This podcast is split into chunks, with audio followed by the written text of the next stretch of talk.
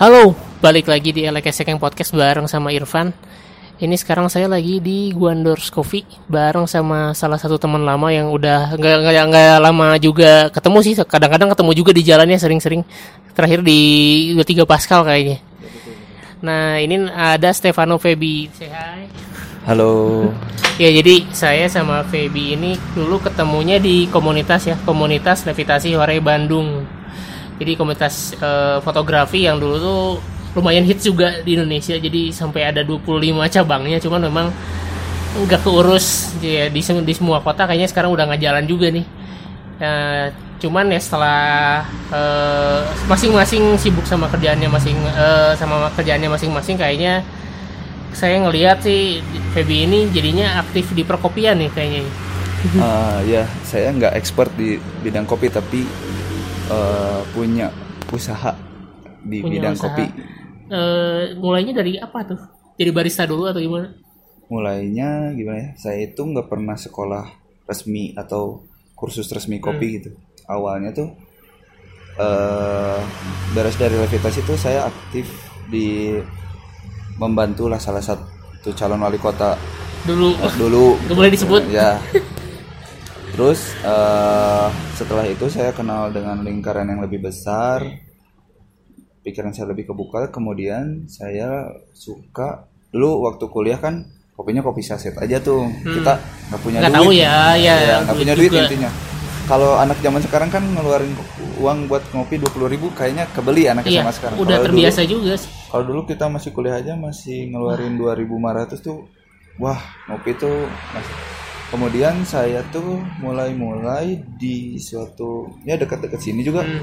ada kantor teman menyediainya kopi robusta terus tapi aroma sampai satu saat itu saya sering main ke warung kopi Udinwati di Cimahi Itu tahun berapa tuh? itu 2013 lah Berarti ya Warkop Udin Wati udah lama dong ya? udah jalan tujuh tahun ya kalau Oh. nggak salah. Nah di situ baru juga tuh warkop ini masih kecil. Saya masih robusta tuh di situ masih robusta, masih robusta kadang ma- apa, masih apa kopi susu dan gula gitu. ya. Dulu mah belum tren es kopi susu. Nah setelah itu teh nyoba sama-sama belajar lah. Maksudnya belum eh, belum pada tahu nih skena kopi di Bandungnya juga masih mungkin Hmm. Belum seperti sekarang yang cari ilmu kopi teh gampang alat kopi teh gampang dulu teh aku rasain teh mau nyari alat kopi juga yang ada teh Maharaja Oten gitu nggak Nah, kayak ya, tahu-tahu. sekarang kan Sekarang di udah setiap di ya. supermarket ada di ya banyak lah Ya karena kan kebutuhannya juga udah lebih luas Nah. kalau sekarang.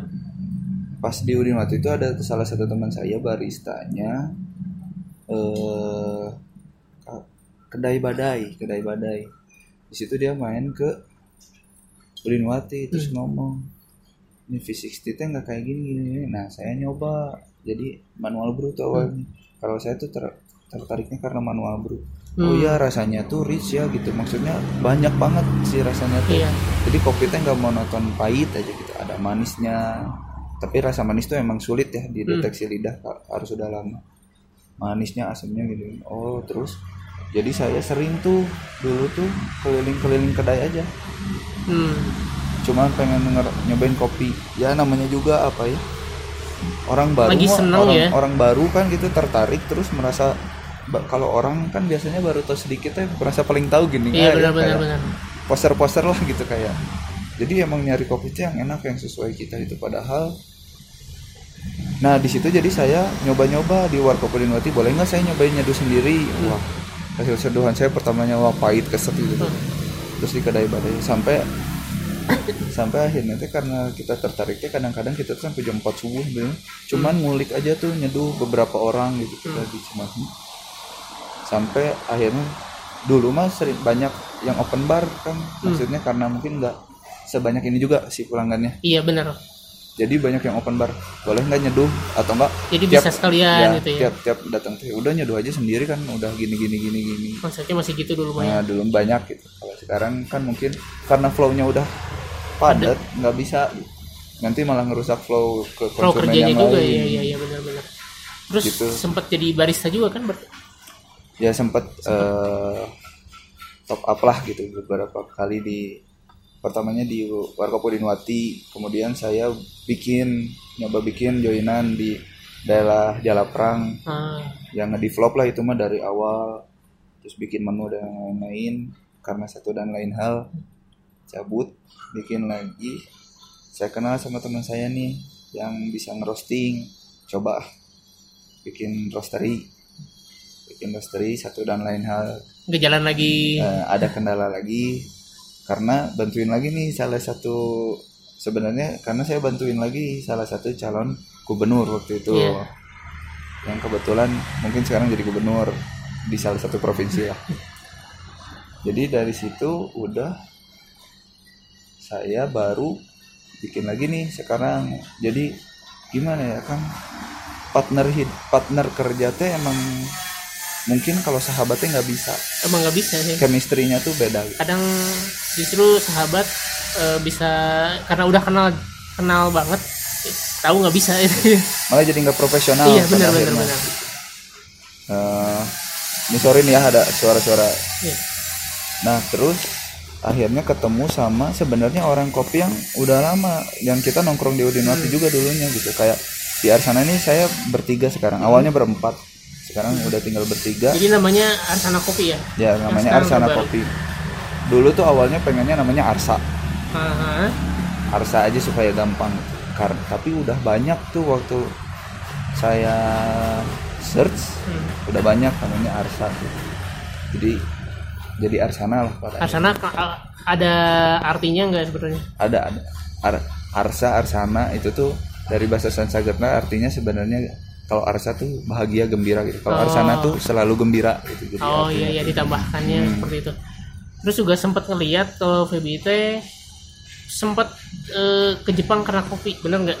Ya itu mah apa ya rezeki aja kali ya gitu. rezeki itu dari mana gitu itu karena pertemanan satu karena Oke. pertemanan dan mungkin karena mungkin hasil aja gitu. Setelah di kopi teh kan sebenarnya teh nggak terlalu menghasilkan kan itu cuma cukup cukup aja gitu. Mungkin ke Jepang teh bonus gitu. Ke Jepang Oh, teh iya. kan saya mau mau ke Jepang teh karena saya belum pernah ke luar negeri. Saya belum Oh, bahkan oke. sampai saat itu saya belum pernah naik pesawat terbang jadi pertama kali langsung, ke langsung Jepang ke Jepang. Dan alhamdulillah dua kali. Ke Jepangnya dua kali? Dua kali dua kali. Di bulan November sama di bulan Desember oh oke oke.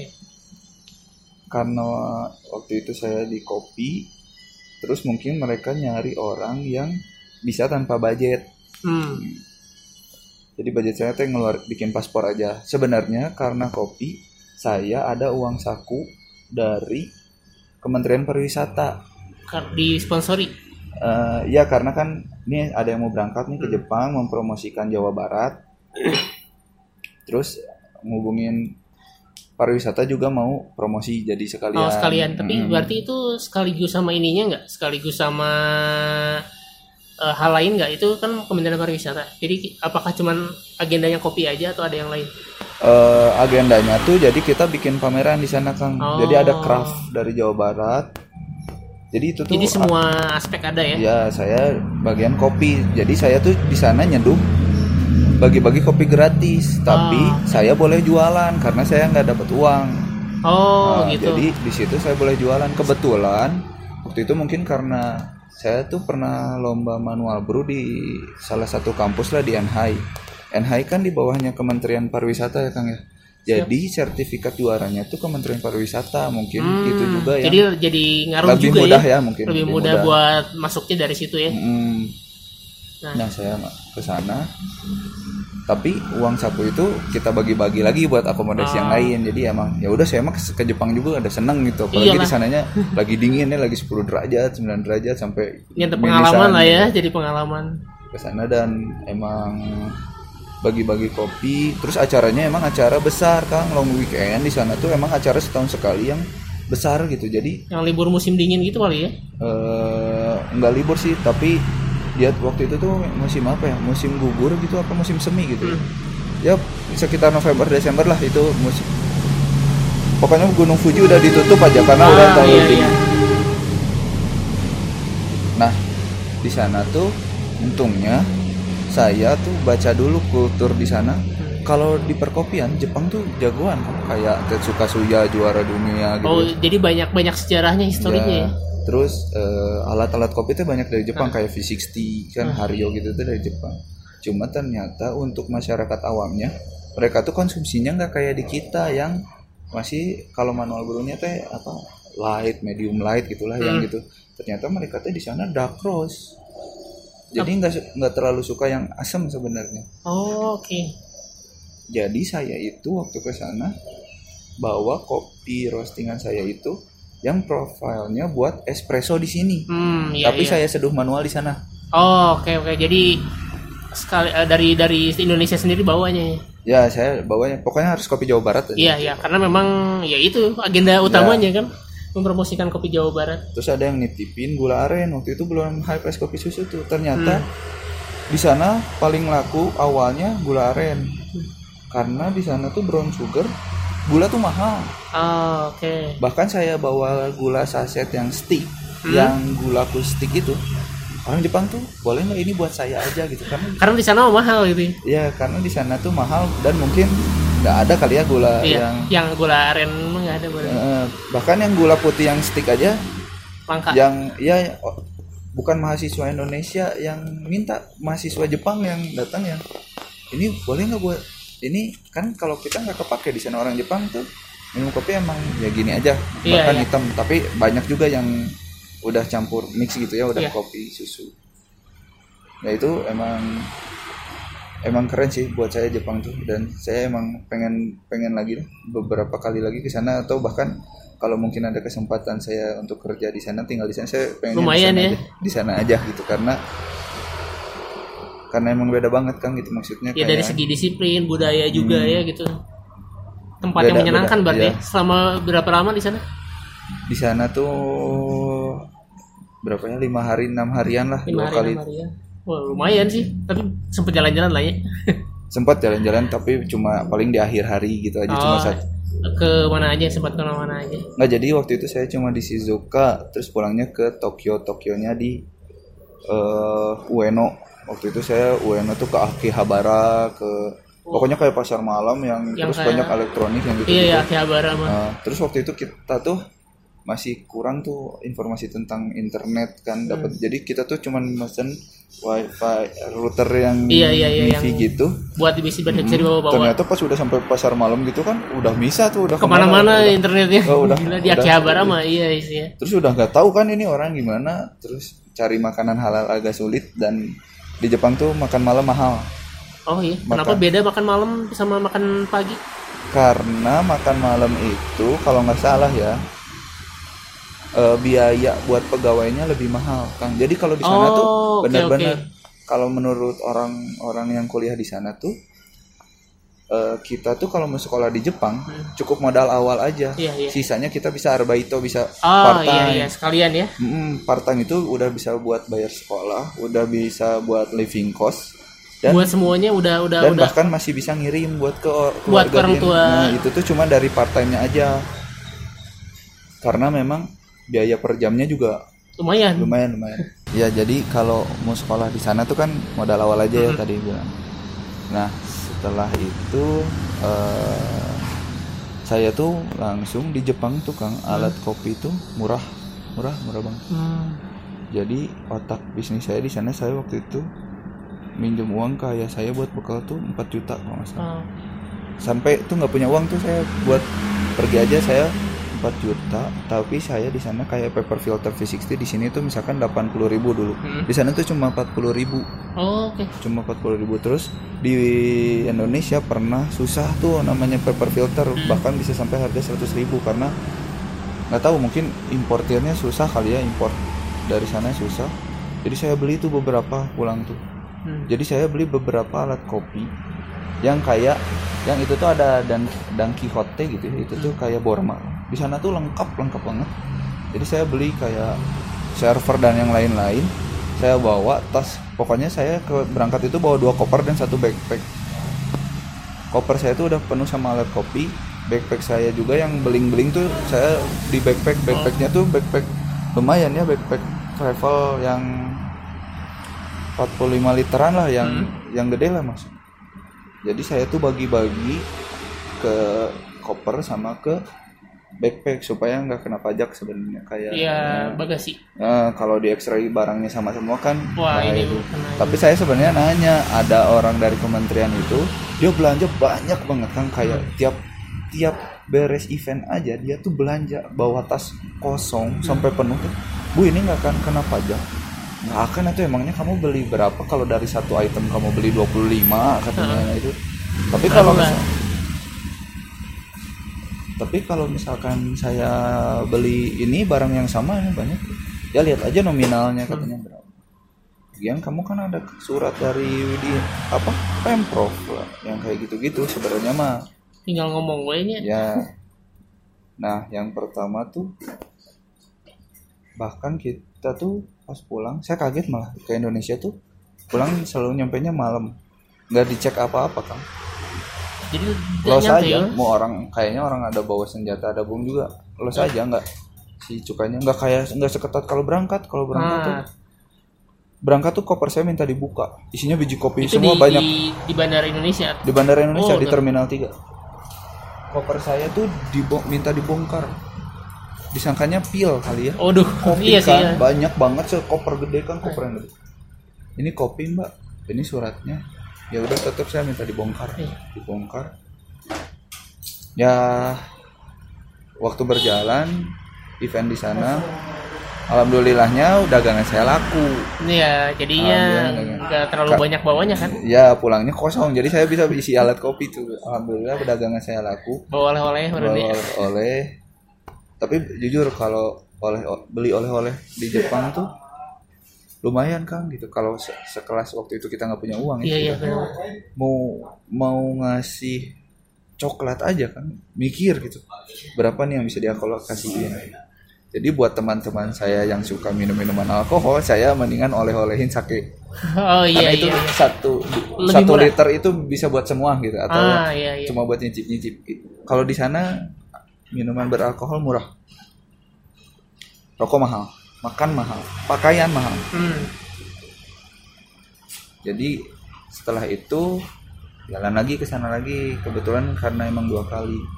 Ya pokoknya itu mah pengalaman aja lah Kang maksudnya ke Jepang saya Gara-gara kopi. gara-gara kopi gitu. Jadi saya mah ke sana cuman sebagai seba- saya mah jualan sama nyeduhin orang Oh, kopi iya. Jawa Barat untuk orang-orang Tapi Sana. ada pengalaman yang paling diingat nggak setelah pas ke Jepang itu dua kali ya berarti? Dua kali Dua, kali. Se- Lokasi sama. beda Eh, yang kedua kali itu ada kita ke Hamamatsu tapi masih dalam Suzuka jadi apa ya mungkin kabupatennya teh eh provinsinya Suzuka Prefektur. Hamamatsu prefektur tapi ada namanya Shizuoka yang daerah industrinya teh Hmm. Hamamatsu Oh, Oke oke. jadi Karawang lah kalau di sini mah Iya. jadi memang kerjasama dengan Jawa Barat teh Karawang ya ke Oh, iya. industri waktu itu mah yang Hamamatsu mah kemu- ada Bapak Aher juga waktu itu Oh, ini berarti tahun berapa ya masih Pak Aher nih? 2000 tahun 2015 apa 2015 2016 ya udah empat tahunan ya berarti? ya kurang lebih segitulah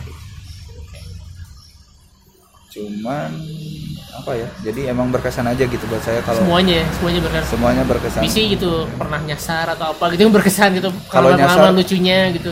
kalau nyasar mah pastilah kang apalagi saya yang kedua itu saya nggak ada eh, temen partner untuk main. Nggak- Oh, karena nggak ada yang seumuran saya semuanya di atas dan semuanya orang-orang soleh gitu maksudnya yang Jadi pulang bisa diajak. tidur. Nah, kalau saya kan Pengen main atunya. Bu. pengen main. Jadi terus Udah- saya itu bete banget di pesawat lama.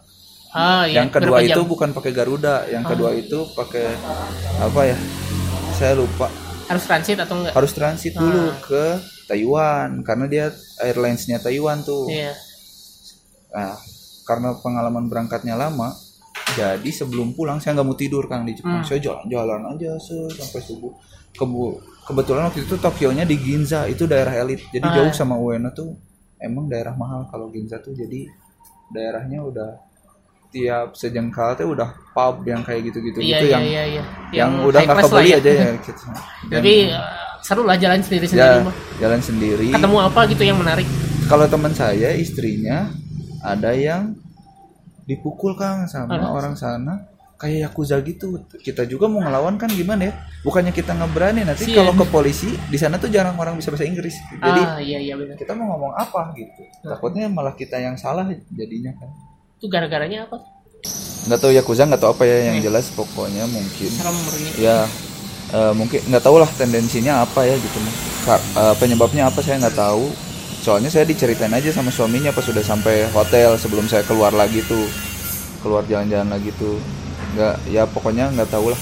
Tapi kalau di Ginza tuh emang kita lihat geng-geng gangster Jepang tuh banyak kan kayak ngeliat orang gangster mabok pakai jas atau yang nggak pakai Oh. jas tuh emang banyak. Terus di hotel aja di lobby kita ngelihat yang ciri-cirinya yang di, kayak di Crow Zero gitu.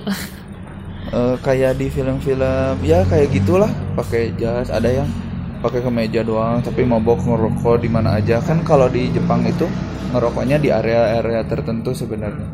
Terus waktu di lobby hotel juga saya ngelihat orang yang jualan cewek gitu prostitusi ke bosnya jadi dia itu udah udah kelihatan lah udah kelihatan jelas. Udah kelihatan jelas jadi emang kayaknya jual proses dagangan jual belinya tuh emang yang gitu gitulah yang nah yang kayak gitu. Ya di Ginza emang daerah elit sih jadi saya tuh nggak banyak belanja waktu yang kalau yang di Ginza itu jadi saya mah punya alat kopi yang ja- waktu itu masih jarang ya di Indonesia teh karena dari sana. Jadi gratis karena saya jualan Kopi bahan yang dari sana. enggak Oh. bahan.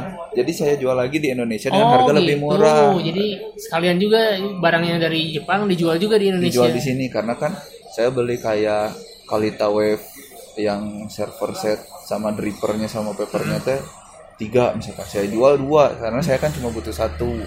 Gitu gitulah jadi ketutup. Ya waktu berlalu sampai akhirnya terus aja sih di usaha kopi karena menurut saya yang apa kalau bahasa Kehapean. kerennya mah passionnya gitu Ya, ya, maksudnya. ya. walaupun duitnya buat saya masih belum belum adaan keadaan belum kelihatan tapi saya nggak capek gitu maksudnya. Karena senang karena senang gitu. Padahal saya bukan orang yang harus ngopi tiap hari nggak. Kalau di rumah saya nggak suka ngopi di rumah Ya, saya sukanya di kedai-kedai aja. resep nguliknya bener ini. Ya karena resep uniknya dan yang nggak capek aja gitu. Karena nggak ngerasa capek aja beda sama kuliah nih. Saya sekarang saya kuliah dari dulu. Belum Bi- beres. Belum beres karena bidangnya saya nggak suka sebenarnya. Jadi eh bilangnya dulu tuh apa sih? Kuliah? teknik informatika. Saya tuh nggak suka Oh, programming iya, gitu. Jadi saya susah selesainya susah juga susah gitu. Karena emang kalau nggak kepaksa kepaksa banget mungkin saya nggak nerusin gitu. Iya. Tapi ya itulah lebar hidup ya. tapi hidup ya gitu kan kita Iya. nggak tahu ya maksudnya cuman kalau misalkan ada namanya apa sekolah kopi beneran sekolah kopi beneran eh satu kopi gitu ibaratnya. Kalau sekolah kopi mah ada malah ma- bahkan kurikulumnya pakai SCA oh sekarang Spes- udah ada? Ada 5758 punya Oh, Pak Adi tahu, itu tahu, tahu, tahu itu. yang salah satunya itu di Jakarta ada lagi. Eh, cuman lagi ngumpulin uang mungkin beres kuliah yang ini beres kuliah pendidikan yang formal mungkin saya mau sekolah buat Hmm. nambah ilmu aja sih. Iya iya iya. Karena kan mahal sangat mahal sekolah kopi itu mahal ya. Hmm. untuk menjadi Iya sekarang mah karena memang apa ya si eh, apalagi dengan sekarang kebutuhannya tuh tinggi banget ya. Ya. Ya bisa bisa arahnya bisa jadi ke eh, bikin kedai kopi juga buat nanti. Ya ya kan kalau target saya saya mah pengennya sebenarnya jadi Q grader quality grader. Hmm. tapi kan itu mah buat ilmu saya aja. Iya, karena iya, kan iya. kalau de- rasa-rasanya quality grader tuh harus yang punya factory yang punya pabrik gitu untuk iya. Mungkin jadi biar langsung praktek juga kan Nah. kalau yang punya pabrik mah. Tapi kalau buat saya nggak ada salahnya. Saya jualan produk di Arsana tuh emang yang bagus kalau karena saya punya pakem ilmunya gitu. Kan kalau masalah selera mah sebenarnya mah ya masing-masing lah ya. gitu. Kayak orang-orang kebanyakan suka kopi wine gitu. Saya emang nggak suka. Ya. aneh lah buat Aneh saya mah gitu ya. Kalau ngelihat proses pasca panennya juga nggak masuk lah buat saya mah. Ya punya punya prinsip masing-masing lah ya. referensinya beda ya referensinya gitu. beda. Nah terus kalau misalkan dari segi sekarang pas eh, tadi ya sebelum mulai podcast nih. Ngobrol-ngobrol soal si kopinya teh si Arsana kopi teh masih bareng juga nih sama si Udin Wati. Itu tuh gimana ceritanya? tempatnya iya bareng tempatnya gitu tapi kalau Penjualannya beda? penjualannya beda eh produknya produknya mungkin ada yang hampir sama kalau masalah roast roasted beans maka kan pasti sama gitu gitu Iya, aja iya. ya. cuman mungkin originnya yang beda terus profile roastingnya yang beda. Kalau di Udin Wati yang roastingnya ada namanya Teh Dian. Kalau di Arsana kalau nggak saya biasanya ada teman saya satu lagi Hmm. Zikri. Dan tiap orang tuh profilnya beda biasanya emang karena karena alatnya juga belum canggih sebenarnya. Jadi eh, untuk ngejar konsistensi yang sama persis tuh sa- Susah. itu susah walaupun udah canggih biasanya udah baca grafik itu untuk ngejar yang sama tuh Udah beda lah ya. udah beda lah. Kecuali kan otomatis ya. Kita kan nggak a- alatnya masih custom gitu rakitan. Jadi cuman biasa disemirip-miripin aja gitu. Jadi kalau di kita itu eh, cupping itu quality check itu selama rasanya nggak terlalu jauh dan layak jual. Ah, maksudnya oke, oke. nggak. Kalau layak jual nggak layak jual saya nggak mau Hmm. nah biasanya idealisme saya di situ tuh yang dipertaruhkannya Kualitas. kualitas saya saya nggak mau tapi kalau ngelihat industri Sekarang, yang udah penuh padat nih. kayak misalkan jualan es kopi susu ya kang Iya, itu. kan sebenarnya rasa teh nggak terlalu rasa kopinya nggak terlalu eh, koreksi ya kalau salah, saya salah gitu Iya. Rasa kopinya teh nggak terlalu ditonjolkan yang penting kan ada rasa kopinya Ada ada, rasa creaminya dan ada manisnya dari Iya. gula aren tapi saya mah tetap pakai yang menurut saya bagus dan layak gitu nggak Hmm. mau kayak kalau misalkan saya dapat robusta misalkan banyak quakernya kan petik hijau gitu Iya. kan kelihatan setelah di Oh, roasting benar. tuh warnanya lebih muda Nah Gimana? saya mah nggak mau gitu. Saya mah pakainya yang udah aja yang yang bagusnya gitu, yang emang buat blend yang cappuccino benar-benar lah cappuccino. pokoknya mah Nah, terjamin lah. Karena ya, ya di situ ya kali ya. Mungkin saya masih idealis gitu di situ padahal mah kebutuhan pasarnya misalkan yang harganya segitu, yang harganya Oh di bawah iya iya iya gitu iya. Ya sekarang mah ada rata-rata kan udah wajib ya kopi susu teh. Ya. Rata-rata ya itu katanya mah nyawanya nyawanya bisnisnya teh di situ karena Kacang gorengnya di situ. Kacang gorengnya di situ. Kacang gorengnya di situ. Ya.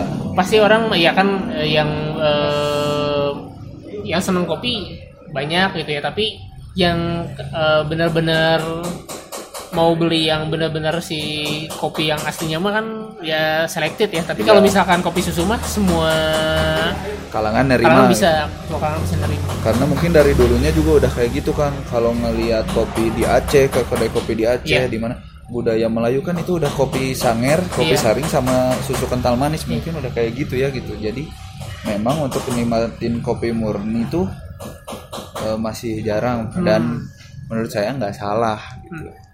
Yang penting kan industrinya jalan demandnya ada kreatornya ada gimana perekonomiannya muter Nah, tapi kalau gitu gimana cara mempertahankan si Arsana ini? Walaupun idealis gitu ya dengan harus mempertahankan kualitas tapi secara industri secara bisnis bisa masuk gimana tuh sekarang apalagi kan Eh. sekarang mah tiap 10 meter 20 meter ada tuh si warung kopi nah kalau itu untuk Arsana sekarang Mhm. eh, kita jadinya kita bergeser sebenarnya pakemnya jadi kita itu selalu punya harga khusus untuk kedai kopi. Jadi Oh. kedai kopi itu dengan yang bukan buat jualan harganya ada harga khusus. Oh iya iya. Supaya kita jadi mitra sebenarnya. Iya jadi jadi mitra kedai kopi gitu ya, ya justru mitra ya. kedai Ah, kopi. iya, karena mereka untuk jualan juga kan. Kan kalau dikasih kopi teh kan jujur aja tiga bulan kita bahkan ngelihat cash flow teh waduh ada yang nol nolnya tuh bukan sehari dua hari gitu. Iya. Jadi nyawanya kan es kopi susu. Ya, bahkan sampai bener, 80% sampai Starbucks katanya. saja bikin literan kopi, kan iya, gitu. harganya sembilan puluh ribu. Harganya sembilan puluh ribu dengan market yang ada di kelas atas ya masuk lah. masuk. Masuk Kan banget. kita harus jual berapa gitu iya. Kita teh mungkin pelaku pelaku kopi teh mengambil untungnya kecil aja Hmm. supaya bisa bertahan aja gitu. Mhm. jadi saya juga ngejual rosbin kemarin ada yang udah jual aja harga modalnya daripada barangnya terlalu lama nge- ngendap gitu jadi malah jadi uang diem gitu Hmm. ya gitulah karena covid kemarin nah sekarang baru dan kita itu menerima eh, apa ya istilahnya kita teh B2B gitu kan Hmm. misalkan Kang Irfan mau punya brand kopi Hmm. eh, misalkan Oh, LKSK mau iya, punya iya. kopi ya sok kita developin gitu dengan deal Ah, aja iya. nih kopinya dari Arsana tapi brandnya mah terserah gitu Oh, oke, harganya oke, oke. segini mau dijual gimana terserah packagingnya mau di gimana itu terserah jadi eh, apa sok aja punya format sendiri gitu. Oh iya iya iya. karena eh, Terus pembuatannya gimana dong? jadi gini misalkan udah ada nih misalkan salah satu brand yang developnya sama kita Hmm. walaupun nggak full kita tapi ada yang dari yang lain Iya. jadi kita biasanya gini saya mau jualan kopi ini formatnya misalkan drip bag coffee gitu yang Hmm. gitu untuk itu kita kan nggak bikin tuh drip bag coffee Eh, pengennya kayak gimana saya tanya Hmm. dulu pengennya yang kayak gimana oh dia spesifik pengennya gini gini gini gini gini rasanya oh ya udah nih saya punya green bean ini misalkan nanti saya coba developin Hmm. nah udah beberapa green bean kita develop nanti kita duduk bareng nih cupping Hmm. Nah, untuk karena COVID kita teh kadang tekor di cupping karena satu orang satu set. Iya oh Ya, karena nggak bisa bareng-bareng lagi. Jadi sekarang udah nggak bisa kayak gitu ya. Hmm, karena kan eh, Ya, kita juga harus bikin ya, bikin rasa aman buat Iya. si konsumen. Iya ya, juga. sekarang mah kan ah, kayak bel- ke restoran aja eh, menunya kadang diplastikin dulu ya, Ya, gimana atau caranya pakai ya. website kan pakai Google Ah Drive iya gitu iya ya. iya. Ya jadi udah cupping, ya? nanti dia pilih oh yang ini udah cocok, yang ini kurang. Nah, nanti dia yang jual Jadi ada arah ke sana ya. Justru menarik nih saya kalau misalkan ya ada modal mah ya bisa bisa ke arah situ ya. ya bisa Bisa bisa. bisa B2B jadi disediainnya kayak gitu. Ya karena menurut saya eh, idealnya untuk bisa bertahan teh ke sana gitu. Iya, benar. Hmm. Karena produknya sekarang eh, maksudnya brand kopi itu makin Udah banyak, banyak, makin banyak. Dan bahkan kedai kopi itu rata-rata sekarang udah punya mesin roasting sendiri kan gitu. Oh, Di kedai teh kadang udah punya mesin Udah- udah roasting ada kecil sendiri ya. gitu ya. jadi, tinggal kita supply aja tuh. Eh, berarti yang bagus penjualan tuh harusnya green beans bahan Hmm. mentah. Jadi kalau ngejual, jadi kita tuh pasarnya ya yang butuh roasted bean aja yang emang mungkin belum tertarik untuk belajar roasting, yang emang mungkin masih awam untuk mencari bahan baku tuh karena akses mendapatkan bahan baku tuh walaupun sekarang udah banyak di Tokopedia di Instagram nggak semudah itu Kang gitu. Iya, Jadi kita segi- juga karena perjalanan gitu tahu oh ya ini prosesor pasca panen si ini Ya, nawarin karena- harga segini bisa dijual dengan segini. Iya karena tuh. udah apa ya?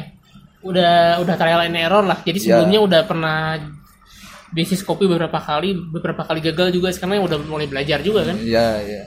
Jadi sampai ke roasting pun saya otodidak sebenarnya belajarnya Hmm. kayak Jadi benar-benar dari hulu ke hilir ya? merenya.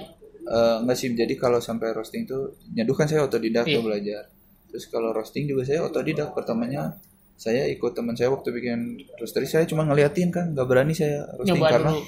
karena kan kalau orang dengan modal dikit mah yang penting bisa dijual bukan Iya benar. bu- Iya.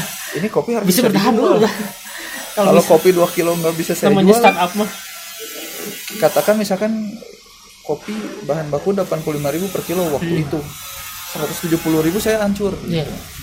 jadi biar teman saya aja dulu yang udah bisa ngerti. Sampai akhirnya saya beraniin tuh beli green bean sendiri nyobain. Oh iya layak jual. Oh iya layak jual. Terus aja gitu gitu sampai ya saya mah learning by doing aja gitu. Oh ini nggak layak jual. Hari saya bagi-bagiin aja yang nggak layak jualnya buat kakek di rumah kan nggak nggak Iya. olo buat yang ngeronda atau buat montir saya kan kebetulan suka motor jadul buat montir saya Sekalian gitu lah ya. ya gitulah kan maksudnya bisnis mah mungkin akan juga mengalami Iya gitu.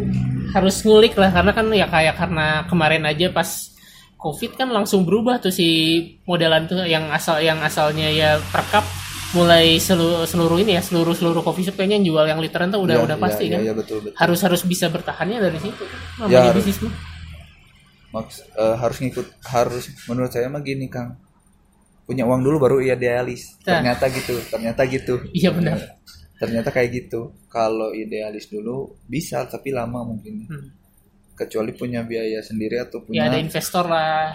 atau punya lini bisnis lain untuk ah buat support ini. yang yang utamanya. Kalau investor kan tetap kan hitungannya kita dapat sharing profit berapa di bulan ini. Hmm.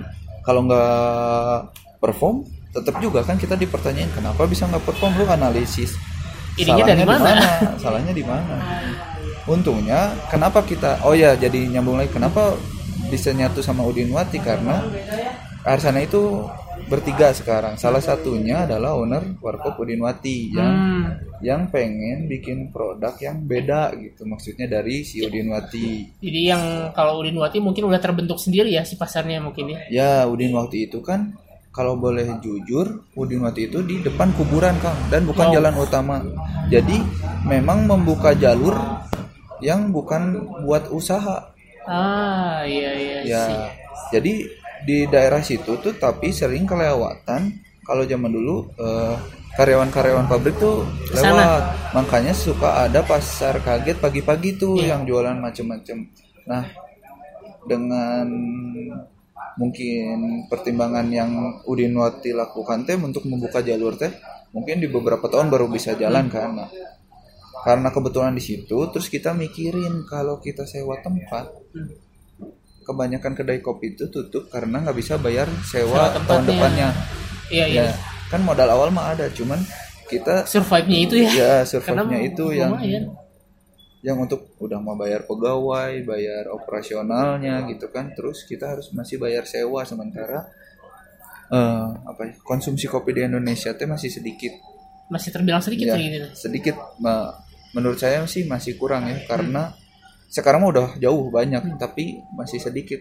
Karena masih belum jadi eh kebutuhan yang harus harus gitu kena kopi yang bagus tuh gitu perharinya.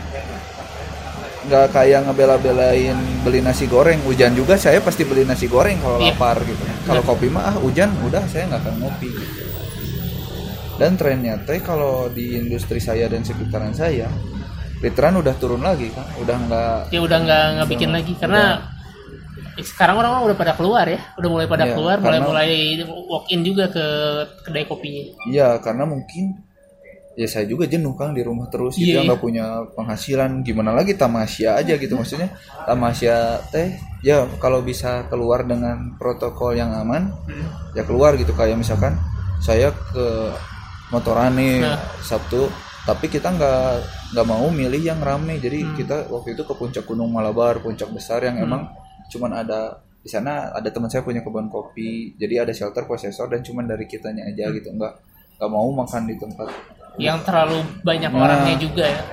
karena masih ngeri maksudnya ngeri itu ngeri dalam artian gini kang mungkin sekarang kan banyaknya tanpa gejala Iya. betul ya kita mah sehat-sehat aja gitu bisa beraktivitas tapi kan kita harus isolasi nggak bisa cari uang Iya, makin hancur lagi dong per, ke usahanya ekonominya juga. ya Aduh. usaha sayanya makin hancur lagi terus ditambah dulu saya aktif di berbagi nasi Ah iya di iya. sana tahu, tahu banyak teman-teman saya yang perawat dan bidan kan kasihan ngelihat-ngelihat mereka yang udah kalau- kenal juga sama mereka deket, jadi kan Iya.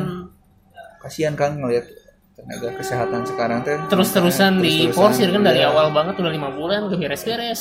saya aja kalau gerah pakai kemeja males apalagi mereka pakai APD gitu kan saya mikirnya kayak gitu jadi kenapa ba- bareng sama Udin nanti pertimbangannya itu kita mengurangi dulu untuk sewa tempat pengennya jualannya secara online tapi Iya. secara mungkin secara Cimahi itu belum daya beli untuk Iya. online-nya padahal orang Cimahi kalau di Bandung GoFood mah GoFood aja GrabFood mah benar. GrabFood aja gitu tapi kalau udah di sana enggak lah nongkrong Iya. atau enggak mungkin menghemat karena harus mengeluarkan uang untuk di daerah domisilinya Iya. misalkan kota Bandung gitu jadi kalau secara online belum makanya bentuk si Arsana ini terus aja Berubah. berubah mengikuti kebutuhan konsumen gitu kan Nah kalau buat ke depannya nih punya impian apa nih sama sama di per- di bidang perkopian ini apakah ingin seperti apa punya punya kedai kopi yang lebih besar dari ini atau kayak gimana nih?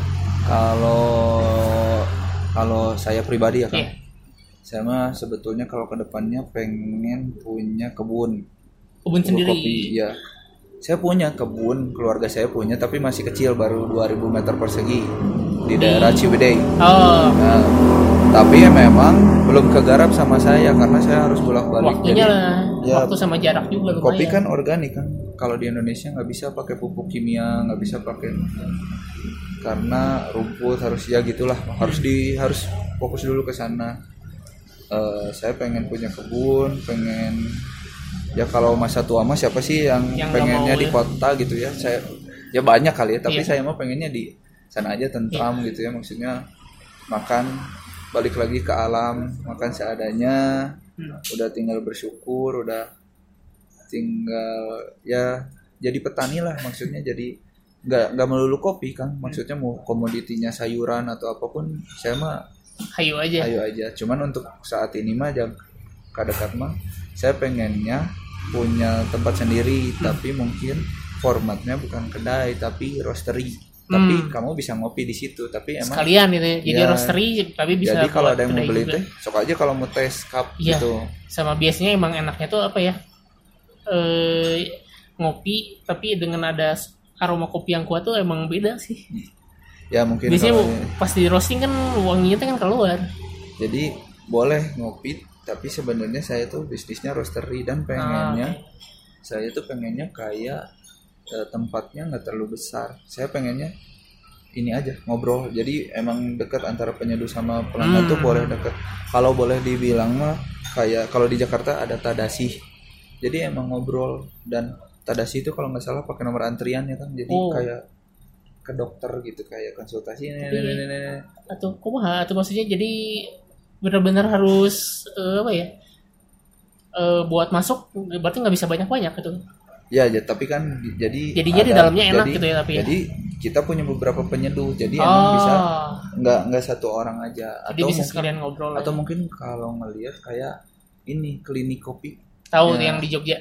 Dia kan kalau saya perhatiin kalau nggak ada Mas Pepeng ya dia tutup. Karena kan orang tuh nggak nggak cuman pengen ngopinya tapi pengen ngobrolnya itu ngobrol, pengen betul dapat betul knowledge dari knowledge dari Mas itu misalkan yang karena- mahalnya ya karena mungkin dia teh narator yang bagus gitu ya Ya. untuk jual kopi kan orang mah ya nggak mungkin nggak terlalu peduli kan sama Ya. rasa kopinya mah gitu benar-benar tapi Karena gimana kita berceritanya gitu. bisa ada eh, experience lain lah ya ya narasinya kita gimana iya, gitu. iya. ya udah lumayan nih ngobrol sama Feby. Kepanjangan mungkin ya kayak enggak sih kayaknya rata-rata seginian sih 40 menitan lah sama sama teman-teman saya yang lain juga.